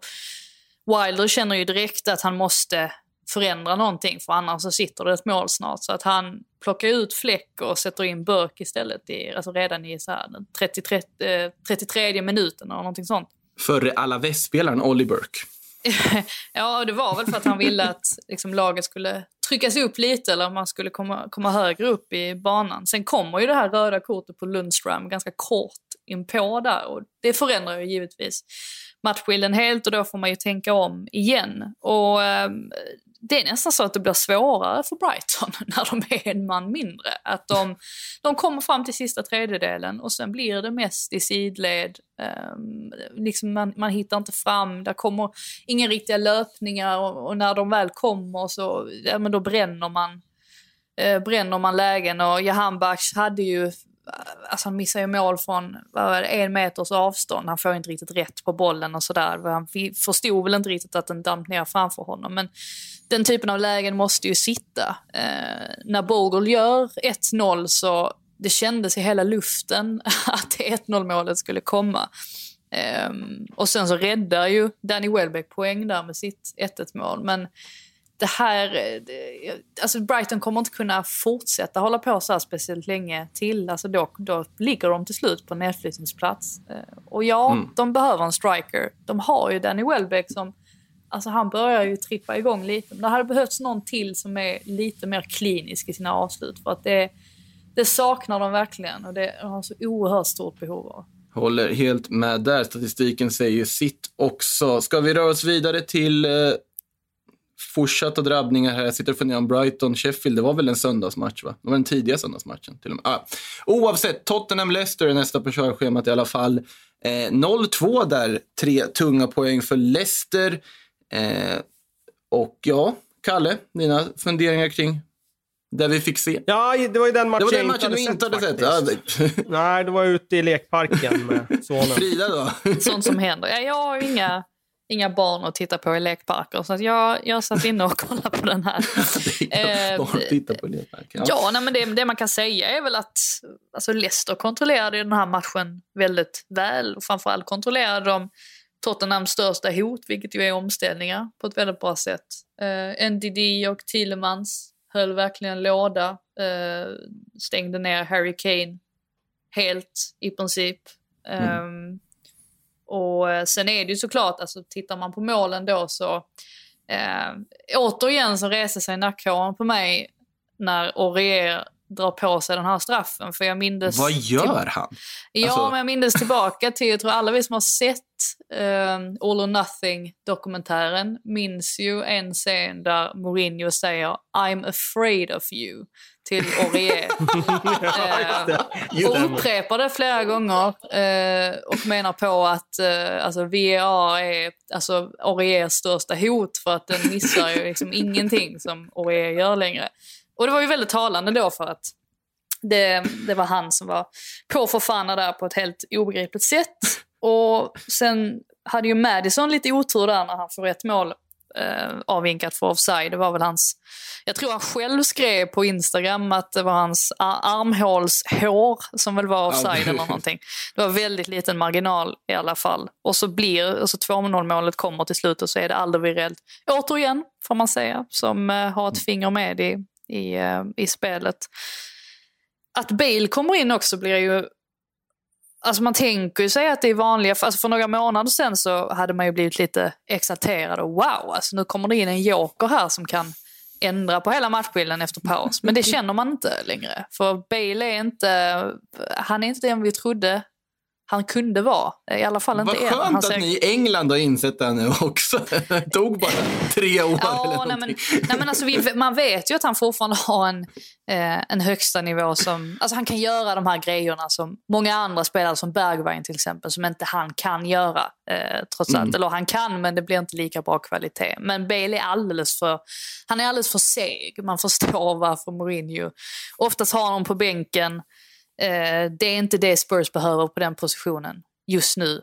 Och... eh, Alltså Mourinho får ju jättemycket kritik efter den här förlusten. Och det är inte så konstigt för att det, det, är, ju, det är ju det man offrar lite grann med att spela på det här sättet. Att ser, ser det in, ser det sådär liksom halvsnyggt ut men man ändå vinner matcher så är ju alla nöjda och glada. Men ser det som i det här fallet mer åt det fulare hållet ut och man dessutom förlorar med 2-0 mot Leicester eh, då, då kommer ju kritik, kritiken som ett brev på posten. Så att ehm, han måste nog studsa tillbaka ganska snabbt nu tror jag för att han ska få med sig Tottenham-supportrarna igen på sin sida. Och spelarna tror jag. För jag tror, jag tror att Ja, de köper också. det så länge de vinner matcher. Då kan de liksom Precis. spela den här eh, liksom omställningsfotbollen och extremt låga försvarsspelet. Ja, inte, inte kul det där tycker jag du sa när, med att Bale är seg. Det säger ju någonting om hans förvandling från, från att ha varit fotbollsvärldens snabbaste spelare över löpningar på 30-40 meter i alla fall. Eh, sett till att idag bli liksom eh, benämnd som seg. Jag tycker också, jag såg i slutet av den här matchen, han var ju väldigt avskärmad Bale. Alltså, inte så involverad i spelet, framförallt inte där direkt när han kom in. Ehm, men eh, ja, jag tror att det kommer vara så här för Tottenham. Alltså, de matcherna de hamnar i underläge och möter lag som, som eh, inte tillåter dem att ställa om och sådär, då kommer de ha lite bekymmer. Man behöver ju inte springa snabbt på en golfgreen, så är det ju. Så att Nej, han kommer ju direkt från golfbilen de senaste åren. Så att, Ja, så att eh, om man hade haft den med sig in i bytet kanske det blivit roligare för honom. Måste också bara, du nämnde lite kort där Frida om Madisons eh, inlägg på sociala medier. Han skrev ju också VAR, get out of my life. Så nu har vi ännu en krigare med i vår gedigna gäng av VAR-motståndare där undertecknad finns med i gruppen. Som kämpar i motvind för vi får väl räkna med att VAR kommer finnas med oavsett vad vi tycker om det är Patrik Syk som kör det tåget. Han sitter i loket där och kör. Det är många som har hoppat på Tro, i tro vagnarna mig, jag, stå, jag står där framme och skyfflar kol in i det där loket också kan jag säga. Det, jag jobbar hårt där också. Men det, det är ju i motvind för att vi kommer ju få leva med VAR, men vi kan väl få skippa de där linjerna som de håller på att dras, för de irriterar mig något enormt faktiskt. Ja, så är det. Det finett ju inget som heter i linje längre. Att vara i linje, det är man inte längre. Utan det finns en Nej, och millimeter det finns något och vackert med att vara i linje. Däremot är det intressant, jag vet inte om det har tagits upp eh, för den breda massan, men det är ju den där om, omskrivningen av handsregeln som gör att Madison är offside där och som många, gör att många forwards nu är offside. Man säger ju alltid att en forward kan med, med fördel peka var han vill ha passningen. Och då kommer man ju sträcka ut armen på det där sättet. Men i och med att handsregeln nu är omskriven så att det inte är hands till, ner till där tröjan slutar, kort, eh, liksom en kortärmad tröja slutar. Då kommer den delen på armen att vara i offside-läge om man sträcker ut armen på det där sättet. Och det var man ju inte förr, för då var man ju inte offside med kroppsdelar man inte fick göra mål med. Men nu eftersom man får göra mål med just den där delen där tröjan är, då hamnar man ju i offside-läge om man pekar på det där sättet som forward nu. Så att eh, det... Jag tycker inte man skulle ha skrivit om hans regeln på det sättet, men den där regeln verkar ju leva sitt eget liv och skrivas om lite här och där och man kommer ju aldrig till bukt med det. Står det i reglerna att det är där tröjan slutar? Ja, men det, det var ju det som var det nya. Jag vet inte om det är exakt så det är skrivet, men det var ju, det var ju kontentan av det. Jag hoppas inte det är exakt så det skrivs, för då är det ju bara helt uppenbart. Då är det ju linne på forwards och långärmat på backarna. Så, här, så är det ju safe på alla sätt och vis. Att de ändå använder liksom kroppen och Men man inte ser klädesplagget. t-shirt-brännan ser man under ändå, så domaren kommer i alla fall kunna bedöma vart det ska vara. Det där räknas som, som Ja. slutet på tröja. Ja, men då så. Nej, handsregeln förvirrar och eh, offsides fortsätter att vara omdiskuterade. Men Leicester fortsätter att imponera. 2-0-seger alltså mot Tottenham. Eh, målfest samtidigt i klassikermötet mellan United och United. Manchester United mot Leeds United, alltså 6-2. Den matchen såg du, Kalle? Den matchen såg jag. Eh, och hemma. McTominay. Vad hände? Ja, det var ju verkligen eh, kul för Scott att han fick eh, liksom komma som skjuten ur en kanon där i början. Var han ju faktiskt. Har ni sett vilket smeknamn han har fått från eh, Fernandes? Förlåt, jag ska bara flika in när du pratar om Scott McTominay. Ja, McTominay eller Scottidinho eller vad var det? Sk- Scott Naldinho. Scott Inaldin. Scottinaldini, ja. Ja, det är så svagt. Ja, eh, bara en parentes. Mm. Han, ehm, ja, han var ju bra i den här matchen, men eh, det var nog också en sån där match som passar perfekt för den typen av spelare som eh, löpvillig spelare som kan löpa loss från markering och det handlar ju hela den här matchen om. Att Leeds, eh, ja, jag vet inte, de tömmer ju centrala ytor defensivt på ett sätt som, det är ju självmordsfotboll. Eh, och jag, jag tycker inte att Biels, alltså jag gillar ju Bielsa, jag tycker han är en fantastisk karaktär i fotbollsvärlden och sådär, men jag vet inte varför han ska vara så mycket idealist så att när han ser att det här uppenbarligen har sina brister, framförallt mot bra lag, att han inte kan anpassa sig då. Det är ju liksom, han anpassar sig inte till någonting, utan det är ju hela tiden ideologin framför allt annat. Och det kostade dem i, i den här matchen och det kan kosta dem framöver också. När, eh, när, de, när bensinen tar slut i tanken så de inte kan springa den där extra milen som de gör varje match annars och, och följa med sina gubbar i markering, då kommer det att kosta baklängesmål. Och det kan, det kan gå ut för, för Leeds. Jag, jag hoppas att det inte gör det, för jag tycker de är en jäkla härlig frisk fläck i den här ligan. De är fantastiska att se på, det blir roliga matcher, men, men eh, man måste ändå sätta frågetecken kring deras försvarsspel. Men nu ska vi snacka McTominay. Han eh, dundrar ju in första målet där lågt hårt. Springer in med den andra. Eh, och det var Eh, även han som slog fram bollen sen när Danny James gjorde sitt mål. Det var lite tydligt tycker jag, för att jag tror att den var ämnad för en, en crossboll egentligen, men den blev väldigt bra på James fot. Solskjaer gick helt rätt taktiskt. Det syntes ju att de hade pratat om att löpa bort motståndare och gjorde det väldigt effektivt. Och, och ja, det, det blev en enkel promenad i parken till slut. Alltså, på samma sätt som du är svag för det kanonskott i krysset, Kalle, så är jag otroligt svag för sådana här borrade kanonskott. De här som bara liksom letar sig in i liksom vid stolproten lågt, som McTominays första. Det är otroligt vackert mål, tycker jag. Och även det andra, jättefint mål. Så att det, det var ju en total chock där i början verkligen när han slår till. Han var väl den snabbaste att göra två mål i en match i Premier League sen någonsin väl, eller? Vad kan vara någonsin? Kanske. Ja, alltså gud, jag läste ju denna statistiken. Eh, jag Det tror gjorde att det också. måste ha varit någonsin, för att jag kan inte minnas att jag läste något annat namn. Så att det kan ju vara så. Mm. Oerhört intressant och en total ketchup-effekt där för United alltså. Måste väl hylla Daniel James lite också va? Han passar ju ändå ganska, ja, men han passar ju ganska jag- bra. jag den den här var, det inte, var det inte vi som pratade om honom förra... Jo, Vi att pratade han om var honom väldigt förra Leeds-kompatibel sa vi ju. Förra. Vi har fått Ja, han var Leeds-kompatibel. Han är ju synnerligen kompatibel mot Leeds också. Ja, nej, men det finns ju en anledning till att han, han har ju varit väldigt, väldigt nära att hamna i Leeds. Och eh, Mm. det, det förstår man ju varför. Däremot så, för, så först var man ju lite förvånad att han var med i startelvan.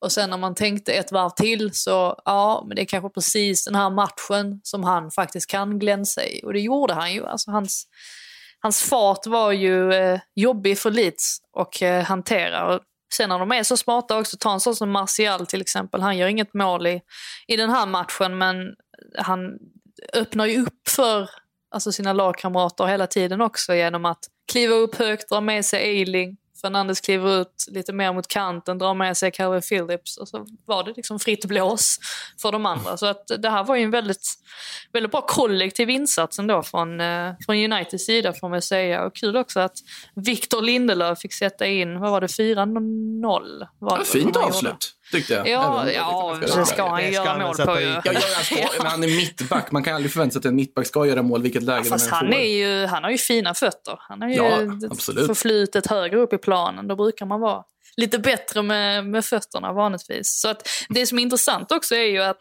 alltså man tänker på Bielsa och Solskjaer så är de ju varandras raka motsatser på rätt många sätt. Och Bielsa lovordas ju betydligt mer än vad Solskjaer gör. Men det är ju just det här för att Bielsa inte är speciellt flexibel som Kalle var inne på. Och så Solskjaer då som förlitar sig ganska mycket på att tian ska göra jobbet när försvararen står låga, att det kanske inte finns någon så riktigt tydlig, lika tydlig identitet som, som Leeds har. Men eh, nu är de ju med där uppe helt plötsligt och de kan ju plocka poäng, det har vi ju sett. Sen är ju frågan hur, hur, långt, och hur långt det räcker och hur länge det håller. För att vi såg, alltså, lag har ju uppenbarligen mycket respekt för Manchester United. Annars hade inte Manchester City åkt dit och spelat på det sättet de gjorde. Och i den typen av matcher har ju United svårt att gå segrande ur. Men med tanke på hur säsongen är, att alla lag fluktuerar lite upp och ner. Um, så um, nej, de har en bra chans att ligga där uppe resten av säsongen. Något som också fluktuerar är ju när vi tycker att Ole är rätt man för United eller inte. Det känns som det, jag tycker inte det ändå. För att jag, Mm. jag, jag tycker ändå att alla argument fortfarande håller på något sätt. För vad är det man, det var lite som det vi var inne på där också tidigare med Arsenal, eller som kallade en jättebra utläggning kring. ehm, det här med vad är det man förväntar sig? Ja, Ja. men alltså det är klart att Manchester United måste sikta på att bli lika bra både på och utanför planen som Liverpool. Och är Solskjaer den tränaren som kan åstadkomma detta? Ja, där är man ju tveksam. Så att jag tycker ändå att man kan... Alltså det är inte det att vi har suttit och sagt att United kommer, de kommer åka ur eller de, eh, de liksom förlorar mot allt och alla. Det, så är det ju inte. Så det har jag aldrig påstått. De kan absolut Nej. plocka tre poängare och ju, komma med såna här... Han sätter ju ofta... Alltså han är ju duktig på att sätta taktiken ibland. Alltså det har vi ju som till exempel i den här matchen. Eh, Men eh, långsiktigt sett, är det rätt väg att gå? Ja, där kanske man är lite mer tveksam.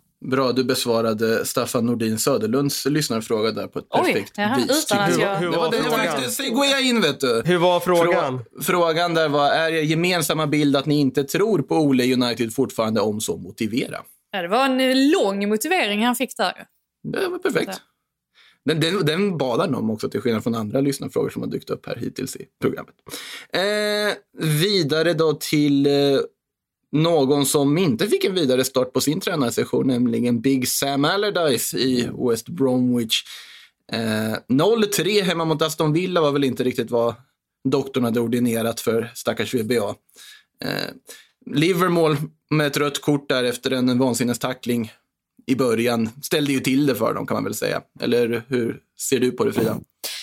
Ja, alltså till en början kan man ju ehm, säga att det var en oförändrad startelva. Eh, kanske inte jätteförvånande med tanke på att han bara hade haft ett fåtal dagar med den här Mm. truppen. Några taktiska skillnader, givetvis. De undvek bland annat inledningsvis i alla fall att spela upp via mittfältet, utan det var ju mer långbollar och det hade man väl också kunnat, eh, alltså det förstod man väl lite på Ja. förhand. Eh, det var lite fler sen, ska sägas, men det märktes att de hade pratat om att man skulle riskminimera framför allt. Och ja, det här röda kortet förstör ju väldigt mycket. Man låg redan under. Eh, sen blir det i princip omöjligt att återhämta sig efter det. Och Allardyce han, han dundrade också rätt rejält på presskonferensen efteråt och hotade ju med att ta lagkaptensbinden ifrån Livermore. Ehm, så ja, ja, Jäkla start ändå på... Ja, nej, men, nej, han gick... eh, Ja, men precis. Alltså, det, det, det man frågar sig också, att alltså, Allardyce är, han har varit med förr. Alltså, han, det är inte som att han inte har hamnat i den här situationen tidigare, men kanske inte är så bra heller att alltså, om man nu gör sig ovän med lagkaptenen det första man gör. Eh, alltså man vet aldrig hur det kan påverka resten av gruppen, alltså dynamiken dem emellan och så vidare. Mm. Och sen har det ju varit lite bekymmer nu i West Brom också Det kom ju besked här i, eh, ja men idag var det faktiskt i morse som det stod i tidningen att de hade låtit eh, nio medarbetare, alltså som hade jobbat där i över tio år, att de eh, hade sparkats. Och eh, det var ju någonting som, alltså grejen med det här är ju att Livermore och Charlie, Charlie Austin framförallt gick ut eh, i somras då när de säkrade uppflyttning och sa det här att ehm, äh, men alltså att det var så hur skönt det var att de hade säkrat uppflyttning för det innebar att alla, att de hade blivit lovade att alla i klubben skulle få jobba kvar. Och så blev det inte så nu. Och jag vet inte om man kan alltså, dra något samband till att man precis har bytt tränare. Att man tvingas då spara in ännu mer. Det ligger ju en bonus också i Allardyce kontrakt, en klausul på, tror det är två miljoner pund om de skulle klara sig kvar i Premier League. Så att man vet inte hur detta kommer, eh, kommer påverka stämningen i West Brom. För de vill ju inte direkt ha bort Bilic. Det fanns ingen direkt osämja mm. dem emellan. Eh, så att jag tror att det här blir ett eh, tufft jobb för Allardyce. Det ska bli intressant att se vad han väljer. Alltså hur han kommer. Det skulle inte förvåna mig om Charlie Austin blir valet för honom längst fram. De, eh, han vill ju ofta ha en lite lite tyngre, alltså lite mer direkt striker. Så vi, ehm, jag förväntar mig att man får se honom i spel lite mer. Mm. Eh, innan vi går vidare till nästa match, Aston Villa får man väl nämna något positivt om här också. 3-0-seger här borta.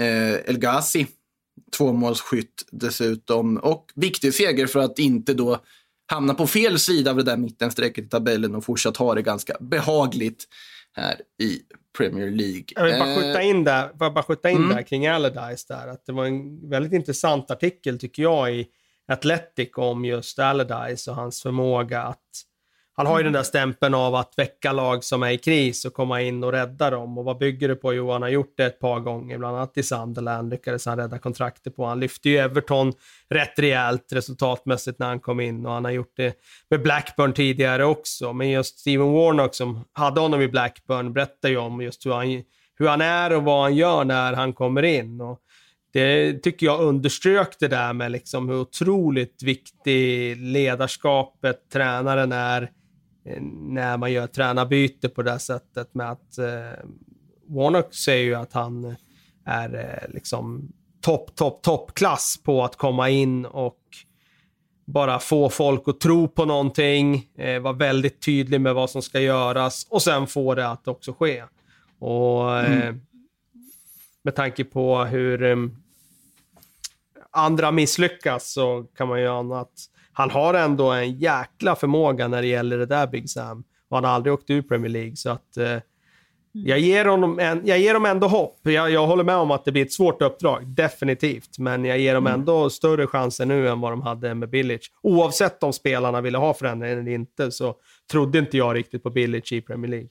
Nej, problemet för dem är väl att det inte finns så många givna lag som åker ur. Alltså om man tänker, alltså Fulham börjar komma igång, Burnley kan man ju aldrig räkna bort riktigt. Egentligen kan man inte räkna bort Sheffield United heller på det sättet att jag, jag, tror inte att de klarar sig kvar. Alltså jag tror att det, det tåget har gått. Men däremot kan de säkert helt plötsligt ta så fyra segrar i rad. Alltså man vet, man vet aldrig. Det är en ganska tuff säsong om man ligger där nere. Att, eh, att klamra ja. sig fast. Men eh, ja, vi får väl se. Och vi ska väl säga det också att lag som Newcastle, Crystal Palace och Leeds, det räcker med att de har en riktigt dålig julhelg. Så är de ju rakt ner inblandade i det här. Så att det är ju långt ifrån liksom avgjort vilka lag som kommer tampas kring det här strecket när vi ska summera allting i vår. Än. Så det ska bli otroligt intressant. Många lag som visar tendenser. Eh, Burnley, på tal om just det, de vinner här mot Wolves, meriterande seger med 2-1. Tyckte det var två riktiga Burnley-mål de gjorde också. Alltså så här, bara någon, någon slumpstuds och sen tjongar Ashley Barnes in den liksom på så sätt. Eh, men oavsett, tre viktiga poäng för Burnley. Ska vi börja med dem? Vad, vad känner vi om den här trean för Burnley? Nej, att de är på väg uppåt. Alltså, vi, har ju, mm. vi har ju räknat ut dem hundra gånger genom de senaste åren. Liksom. Man har ju en tendens att alltid underskatta dem. Ja, precis. Alltså, men, och det har vi ju gjort i år också lite med att ja, men nu ser det tungt ut och så vidare. Men sen fick de ju tillbaka Ben Mee i mittförsvaret, konstigt nog. Och sen när han kom tillbaka så har de en jäkla fin rad alltså. Sen är inte han någon spelare som kanske rent spelmässigt gör någon större skillnad, men mentalt kan han nog vara en jäkla ledartyp där bak och kulturbärare och så vidare. Betyder mycket mer än vad kanske omvärlden tror. Så att eh, stark seger nu såklart mot Wolves. Det är inget att liksom, eh, snacka bort på något sätt, utan jag tycker att de, deras kurva pekar uppåt. Och får de bara till det som de, det var väl förra säsongen, var inte det likadant Frida? Att de låg pyrt till då och började vinna, eller var det tvärtom? Att de började bra? Ja, för de hade ju, eh, var det inte då de hade Europa-ryggsäcken? Nej, det var inte Från förra året in. Ja, jag säsongen. minns inte. Ja, Säsongerna flyter ihop. Det är i alla fall De varit en säsong när de började de. dåligt. Jag för mig att det var förra säsongen. Och sen började det gå riktigt bra och sen då kommer de in i sånt där, ja, men sånt där flyt som du sa att Sheffield United skulle kunna komma in i. Och Mm. kommer de bara in och får lite självförtroende med sin raka, enkla fotboll, ja, men då kan det flytta på här. Så att eh, nu, nu är Burnley återigen ett sånt där jobbigt lag att möta, som de inte var under de första tio matcherna. Och jobbigt läge då kanske för Wolverhampton att åka dit och åka på en förlust. Eh, Fundera lite smått där. Nu har man ju Raúl Jiménez borta. Man har inte hunnit få ett transferfönster som öppnat så att man kan ersätta honom. Och det ser lite tunt ut framåt i allmänhet. Men finns det anledning att vara lite orolig för Wolves, skulle ni säga, inför fortsättningen? Alltså det blev ju ganska nervigt här i slutet får man ju ändå säga. Det blev det. Ja, eh, sen, alltså det jag tog med mig egentligen var ju att det var en jäkla sågning som eh, Nuno hade till eh, Lee Mason. Ja, han ville aldrig se honom igen, ens ha en visselpipa om den så Nej, var... det ska, det, jag tänker att det ska gå ganska långt innan man eh, säger det utåt på, på det sättet. När han, sa, han sa ju rätt ut att han vill aldrig mer se Lee Mason referera, eller referera, vad säger man, döma. Eh, Det var Döma mycket saker han inte ville se Lee Mason göra om jag kände sig som på det där ut- Ja, uttalandet. nej, så att han, eh, han hade ju inte... Eh, han hade ingen jättebra kväll, så kan man säga. Men, men var det där, tolkade du det Frida som en Mourinho-grej av Nuno att styra budskapet mot något annat nu när de faktiskt förlorar och är på under halvan? Eller Jag typ vet under faktiskt halvan. inte. Jag tycker ju att Nuno är, han är en av de sma, alltså mest intelligenta tränarna i Premier League. Alltså han har den framtoningen i alla fall. Eh, Det känns som att han precis som Mourinho my, alltså vet exakt vad det är han sitter och säger. Han är ju inte rädd heller för att, för att säga ganska så, alltså inte grova grejer, men han, eh, han säger vad han tycker och tänker om han vill. Så jag Ja, men väldigt sällan riktigt... väl ändå. För jag, Ja. jag upplever honom som han den här Athletic-reporten som följer, Tim Spires han heter, som följer Wolves. Han har ju skrivit, och så upplever jag Nuno, att han är expert på att använda 10 000 ord, men han har egentligen bara sagt att eh, de, är, eh, de ser fram emot uppgiften och de vill verkligen liksom compete. Liksom. Det, det är det de... Men han har ändå använt 10 000 ord för att säga det. Det finns liksom inget innehåll i det han säger, för han vill aldrig säga någonting av med innehåll. Nej. Förutom Nej, när, han väl, Exakt. när han väl får den där Mourinho-genen att slå till, liksom, att nu ska jag verkligen sticka på någonting eller något sådär. Då kan han göra det. Jo, men han är, ju, han är ju läskig. Jag tycker att han är den läskigaste managern i Premier League. Alltså utan tvekan. Alltså jag känner, så sitter man på presskonferens med honom, man, är ju, man vill typ inte titta honom i ögonen. Nej, jag- alltså det, jag hör vad du säger. Otrolig, alltså man har otrolig respekt för honom. Riktigt auktoritär.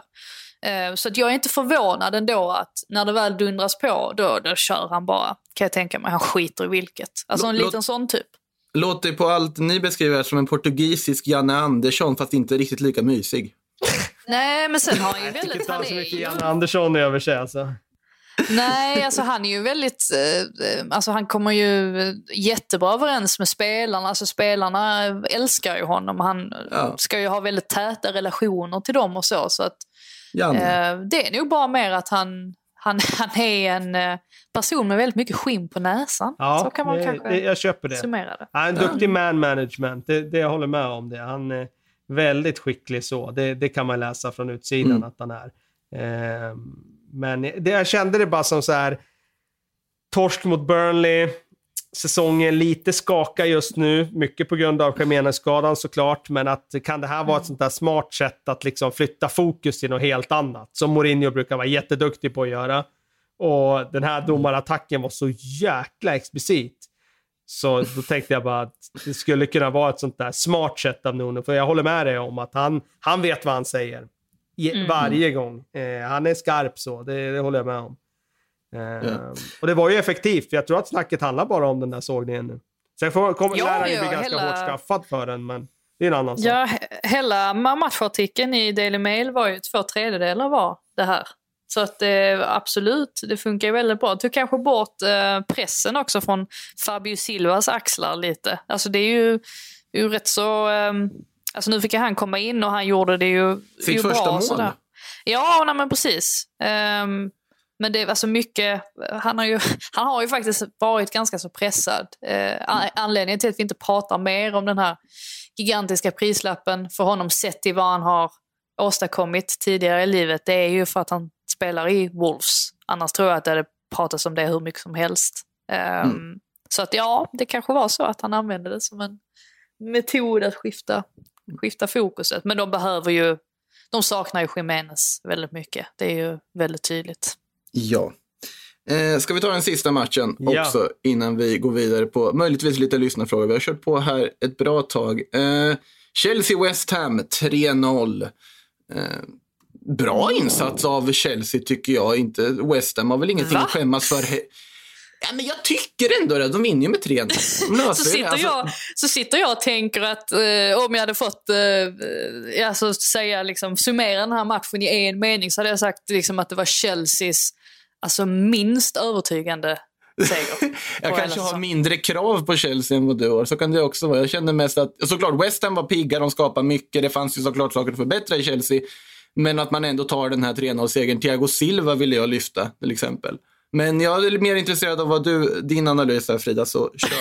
Nej, jag håller med om att Thiago Silva var väldigt bra. Eh, gillar nicken också. Det är härligt när det är, alltså han är ju helt ren. Det ska ju Ja, inte bra till sådär. Men det var, ja, precis, det var bra, bra, bra kraft i den. Eh, Och eh, alltså Mount och Abraham får kanske också lyftas. Eh, alltså just att de kliver fram i alltså de avgörande ögonblicken i alla fall. Eh, Pulisic börjar ju komma igång lite också. Börjar se ut som sitt gamla jag, alltså innan skadad. Men i övrigt så här klamrar ju liksom Chelsea sig fast. Visst, det ser jättebra ut på resultattavlan, men eh, man kan begära mer av spelet. Det var ju olyckligt för dem också, eller olyckligt för Ben Chilwell att han fick Ja. utgå skadad så tidigt. Det, det var ju lite oroväckande. Vi får se här om han eh, är redo till derbyt. Jag tror inte att han kommer vara det. Eh, så att ja. Tveksamt om Emerson kommer få ha den kanten med tanke på att det var ganska öppna spjäll bakåt stundtals. i. Ja, det ju, finns ju en tendens till det ja. Eh, men jag tänker så här att om Werner hade, ja, det här är ju också lite repad CD-skiva-varning över, men om Werner hade börjat sätta lite chanser på det sättet man har varit van vid att se honom göra tidigare så kanske det har varit sett annorlunda ut också. Det var ju mycket han brände under matchens gång. Ja, men precis. Repad CD-skiva. Och det är frågan då om vi kan förvänta oss att han ska bli en spelare som är klinisk. Eh, eller om vi ska Bra räkna fråga. med att han kommer behöva rätt många chanser framöver också. Alltså, Werner, om man tittar på det han gjorde i Tyskland så kommer han ju garanterat bli det, för det fanns få spelare som var så kliniska och eh, gjorde så mycket mål som honom där. Stämmer det verkligen? Är det verkligen så? Alltså jag vet inte. Ah, det var Sen, inte sen är ju så här, om man, om man då lägger med det man har sett av honom i tyska landslagströjan, så känner man ju igen Timo Werners Chelsea-sejour mycket mer. För där har han ju känts ganska blek, inte att han har liksom det här superstora självförtroendet. Det känns ändå som en spelare som ändå behöver tid att acklimatisera sig, som behöver tid att hitta rätt. Jag tror ju att han kommer att leverera för Chelsea och visa sig vara en lyckad värvning på sikt. Men jag tror att man måste ha tålamod och då måste man ha ganska rejält tålamod sett till hur man trodde att han skulle lyfta, men sen nu återigen har sjunkit ihop i någon sorts dvala utan att lyckas hitta det här nätet. Så att, eh, är det en intressant, svår situation för Lampard det där med just eh, Timo Werner. Vi har en lyssnarfråga Ja. från, från Eddie här om just Timo Werner som ni kan få svara på. Att han undrar lite hur Chelsea resonerar kring Werner. Han felanvänds ju på plan. Ska man få ut hans styrkor ska man använda centralt. Känns inte klockrent att ha honom till vänster. Men alltså, Han spelar ganska mycket till vänster och sånt i Leipzig också. Vi hade en lång utläggning om det där i Chelsea-programmet som vi har spelat in på Sportbladet Ah. som eh, kommer att... eh, Jag vet inte när det läggs ut här, men... eh, Det är redan ute tror jag. Ja, okej. med. Ja, då finns den där att lyssna på. Nej, men kontentan Mm. av det var väl kortfattat att eh, de har ju inte riktigt värvat spelare utifrån ett system, utan de har ju skohornat in Werner nu i någon slags vänsterkantsroll där han ska använda sin fart, men han hamnar inte riktigt i de positionerna som han skulle behöva hamna i för att vara den Werner han var i Bundesliga. Eh, Så att, eh, och i det här systemet så skulle han kanske behöva vara nia för att få ut mer, men där är det tveksamt om de kommer använda honom med tanke på Girouds eh, eh, spel senaste tiden. Och det är inte säkert att, att eh, han kommer att passa i alla matcher heller som nia. Jag menar, titta nu, det är ganska många lag i Premier League som bara backar ner och står på egen tredjedel och, och försvarar straffområdet. Och då tror jag inte att han är den boxspelaren som de behöver i det läget. Håller med om den analysen. Ska, tänkte vi ska röra oss vidare och titta lite kort snabbt här bara på vad som väntar. Eh, annandag jul, Boxing Day, ligger bakom hörnet nu på lördag. Där vi har sex matcher och sen har vi fyra matcher på söndagen och sen är det bara matcher varenda dag sen fram tills det blir ett lite kortare vinteruppehåll. Intressantaste som kommer här nu i nästa omgång. Leicester United, otroligt intressant match självfallet sett till de lagens tabellposition. Arsenal-Chelsea, otroligt intressant också på alla sätt och vis. Det är inte ofta det brukar vara så här tunga matcher på en Boxing Day väl?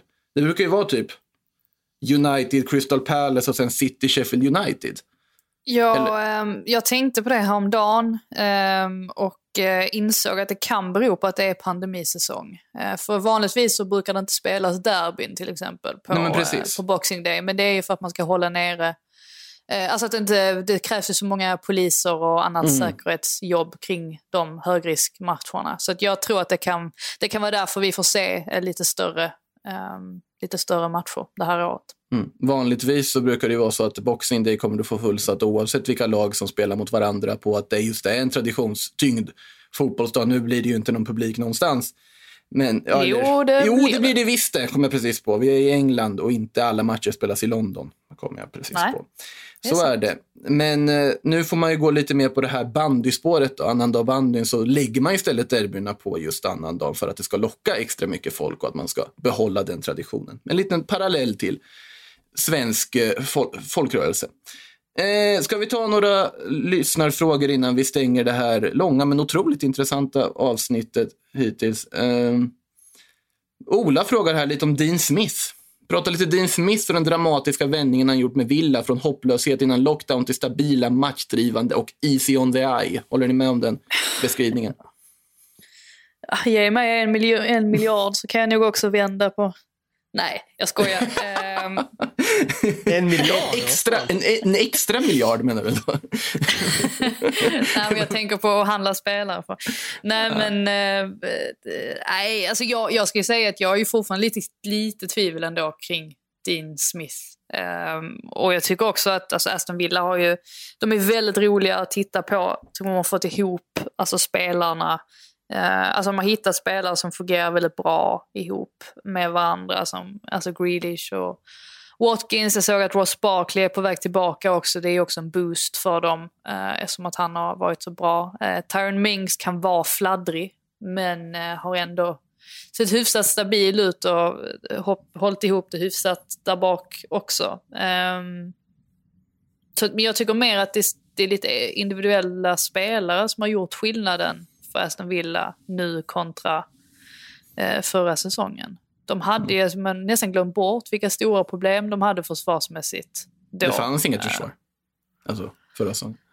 Ju... Nej, alltså de, de läckte ju väldigt mycket i alla fall. Så Mm. att där har man ju fått ordning på det. Ehm, men jag vet inte alls alltså, alltså hur mycket detta beror på Dean Smith. Alltså jag har väldigt svårt att värdera honom som, eh, som tränare. Men eh, det kanske jag får omvärdera. Jag vet, jag vet inte vad du säger, Kalle. Nej, det är nog svårt att göra det nu utifrån att man har både den här första säsongen där det går lite tungt och nu där han har vänt. Vi får nog juryn ut och dividera, som det så fint heter på det fotbollsbrittiska språket. Eh, det är en remarkabel scenförändring, det får man ju säga. Eh, mm. Värvat smart och sen är det ju frågan hur mycket man ska lägga det på managern eller på, på mm. liksom, de runt omkring som har scoutat fram det, det var, det var, det, Precis. Det var det mitt skämt om en miljard kronor handlade Jo, jag förstod det. Makoto Ja, det förstod jag, jag också. jag tror alla förstod. Eh, nej, men, men sen är det ju det där, jag menar, Klopp hade ju inte erövrat Europa om inte de hade gjort bra värvningar. Alltså, förstår du? Men hade han inte haft Sadio Mané och Salah och så vidare så hade ju inte de vunnit Europacupen. Så att eh, Mm. Det är ju en del av grejen att eh, värva rätt spelare. Sen vem som gör det, det är ju kanske andra folk som har det slutgiltiga beslutet eller till och med andra folk som har gjort grundjobbet. Men till slut blir det ju managern som får stå där och antingen profitera på det eller stå där och betala med sitt jobb när det går dåligt. Liksom. I Villas fall så känns det som de här 1,3 miljarderna man spenderade, att det var ju otroligt många spelare. Att det var, det var ju liksom svårt för Deep ja, men vilka av alla de här 28 nyförvärven vi har fått in ska spela då? Att det vart ändå ett sorts experimenterande. Man hade inte riktigt en ordinarie försvarslinje i början. Och sen hittar man ja, men Matt Target till vänster. Konsa är den vi ska spela bredvid Mings. Och sen nu på senaste fönstret får in Matty Cash som var på den högerbackpositionen som var ett litet frågetecken inför den här säsongen. Då har han satt det. Han har fått in rätt spelartyper när man då liksom finslipat den där miljarden jo, under det senaste fönstret. Jo, Martinez också får man ju säga. Alltså väldigt ja, Martinez är ju en annan del, precis. En, det är ju egentligen, jag tycker egentligen det är den viktigaste värvningen. alltså Martinez. eh, alltså när man får in, eh, nej, men att få in en ordentlig målvakt, det kommer man ju, mm. det kommer man ju väldigt långt på. Eh, så att ja, deras eh, rekrytering har ju varit riktigt bra. Just att det har varit spelare också de har fått in som många andra klubbar har kollat på och ändå mm. har det varit de som har fått dem. Det, det visar ju också, de har ju uppenbart levererat en ehm, en, alltså, lagt fram en plan för den här spelaren som har varit attraktiv nog att välja klubben. Så att det är ett väldigt kul lag att titta på eh, hur som helst. Så att eh, de, eh, nej, de känns väldigt stabila för tillfället. Mm. Sista fråga innan vi stänger. Niklas Wångblad frågar hur stor är skillnaden egentligen mellan Declan Rice och Scott McTominay? Man önskar ju att Fager, Frida Fagerlund ska börja hypa honom likt Maguire förr. Men, Men vad... Vadå, vem skulle jag hypa? Eller jag fattar inte. Jag, jag, jag antar att du skulle hypa McTominay på den här frågan. På, på det känns som att en United-supporter, för han har Cantona på bild. Så jag tror inte det är Declan Rice han vill att ska sitta och hypa. Men jag vet inte riktigt varför du skulle börja hypa McTominay på ja, Maguire. som Maguire. Du var ju tidig med att hypa Maguire. Så det, det var jag. Ja. Sen drog jag tillbaka mitt, uh, mitt hype. efter att du hade träffat honom? ja, men jag, ja, men dels efter att jag träffat honom. Sen är jag ju så, så när det blir för mainstream, då tar jag ett kliv tillbaka. Då är det inte kul längre. Nej, men... Uh, Nej, jag, alltså, jag köper det. Declan Rice och Scott McTominay, alltså jag... Uh, jaha ja, alltså det, jag var lite oförberedd på, eh, på att få den här frågan. Men, på befallningen alltså att hypa? ja, nej, men ska man nu säga Vet, någonting vet du vad? Så, du, du kan få besvara det, med att säga vad ska Mavropanos göra nu för tiden istället. Nej, men alltså, du kan ju säga det om Declan, om Declan Rice. Du, han går fan bra nu i Stutt, Stuttgart. Är han väl, ah, det är han väl? Uh, ja. Jag har Fint. fått uh, få rapporter ibland från vissa uh, Bundesliga-fantaster. Bra. Bra. Men, men. Uh, Declan Rice har ju faktiskt varit, det, har man inte, det nämnde man inte riktigt när man pratar om West Ham, men han och Susek har ju varit oerhört fina eh, under mm. den här hösten. Och eh, ja, det skulle inte förvåna mig om han sätter på sig en Chelsea-tröja i sommar. Det är väl det man lite grann går och väntar på. De anser ju i alla fall att det är den sista pusselbiten i, i deras eh, bygge. Scott McTominay, jag har aldrig tyckt att han har varit... Alltså jag kommer inte, jag kommer inte hypa honom eh, lika mycket som Harry Maguire. Men vi får ju minnas också att detta var ju när Harry Maguire spelade i Hull. Alltså det, det var ju då jag började prata om honom. Det var ju ett tag sedan ändå. Um, men det, jag, det, man alltid säger om McTominay är väl att alltså man kan inte riktigt säga att han har den här nivån i sig att göra, ja men dels att göra två mål um, i alla matcher, men också att han kanske inte har tillräckligt bra egenskaper för att, nej, nej precis, men att han inte har tillräckligt bra egenskaper för att vara den eh, liksom defensiva eller sittande mittfältaren mm. som, eh, som United kan förlita sig på. Eh, det är väl mer så. det är ju Manchester United vi, vi pratar om. Jag skulle vilja sätta McTominay, alltså rent tränarmässigt när jag tittar på honom. Jag skulle sätta honom under samma ungdomstränare som Xavi hade i Barcelona där i La Masia när, när han hade de här Oh. Charlie Reax och de här, jag vet inte hur man uttalar deras namn, men han har ju berättat om hur de liksom gav honom så otroligt bra övningar för att förbättra hans orientering. Eh, hade McTominay fått bättre orientering så hade han kunnat bli riktigt bra i den där rollen. Men så länge han inte har det så då kommer han vara den McTominay som han är nu. Användbar spelare, absolut. Eh, riktigt bra ibland. Eh, men mm. sett över tid så kan han inte ge laget eh, i uppspelsfasen det som en, en toppklubb behöver. Jag vill bara skjuta in innan vi slutar en liten alternativ bild här på Mavropanos här. Utbytt den 6 december här i 46 minuter, alltså i paus. Och senast utbytt i 53 minuten. Så att... Eh, Nej, men det var ju mot Eh, någon, det var det mot Dortmund han var bra? Det var Ja, väl det då? var det var det inte, Ja, var det inte hela Favres- bra. De vann Ja, men 5-1. Favres sista match. Då gjorde han väl det hyfsat. Jag lever på det. Det var den Så, insatsen. så, alltså, din sanning Frida är väl att Mavropanos såg till att Favre fick sparken. Ja, ja, Det var han som var liksom sista, sista ja, grädden. Ja. Eller, men on the tycker- top liksom. Min sån här, eh, att jag pratade om ett helgrekiskt mittförsvar i Arsenal. Det var ganska långt ifrån nu att det skulle, skulle kunna ske. ja. Det, där är vi nog inte riktigt än. Nej, Eller det, man- det ska mycket till. Det är därför jag, jag ska inte ha någonting. Jag ska inte ha åsikter längre. Jag ska bara, jag ska bara referera från och med nu. Jag ska inte Nej. säga någonting. Nej, det- nej, fan, jag tycker tvärtom Frida. Det är bara svinga vilt och sen är det alltid Ja. några pilar som prickar tavlan. Eller så är det. Då prickar ju någonting, annars Det prickar ju är, ingenting. det är så det journalistiken har fungerat de senaste 20 åren. Jag tycker vi sitter och hoppas på att eh, Liverpool tar in Manolas som sin mittbackslösning så vi får ett Simikas och Manolas så kan vi börja bygga grekförsvar där istället. Eh, men det ska vi prata om i Silly, inte just eh, Manolas till Liverpool kanske, men Silly-rykten pratar vi om i Sillypodden istället. Vet ni vad, innan vi lägger på också här, att eh, Sportbladet Manager Vår har idag, 22 december, släppts. Och ja, ja, det är lite tidigt. Det finns fortfarande matcher att spela. Och det kan, mycket kan hända fram tills då vårsäsongen och managerspelet drar igång. Men nu kan ni i alla fall gå in och fixa ett lag. Allt ni behöver är ett plusabonnemang för att få då ett gratis lag där man kan vinna priser och dylikt. Så missa inte det. Med det sagt, stort tack Kalle, stort tack Frida, stort tack lyssnarna och god jul till er alla.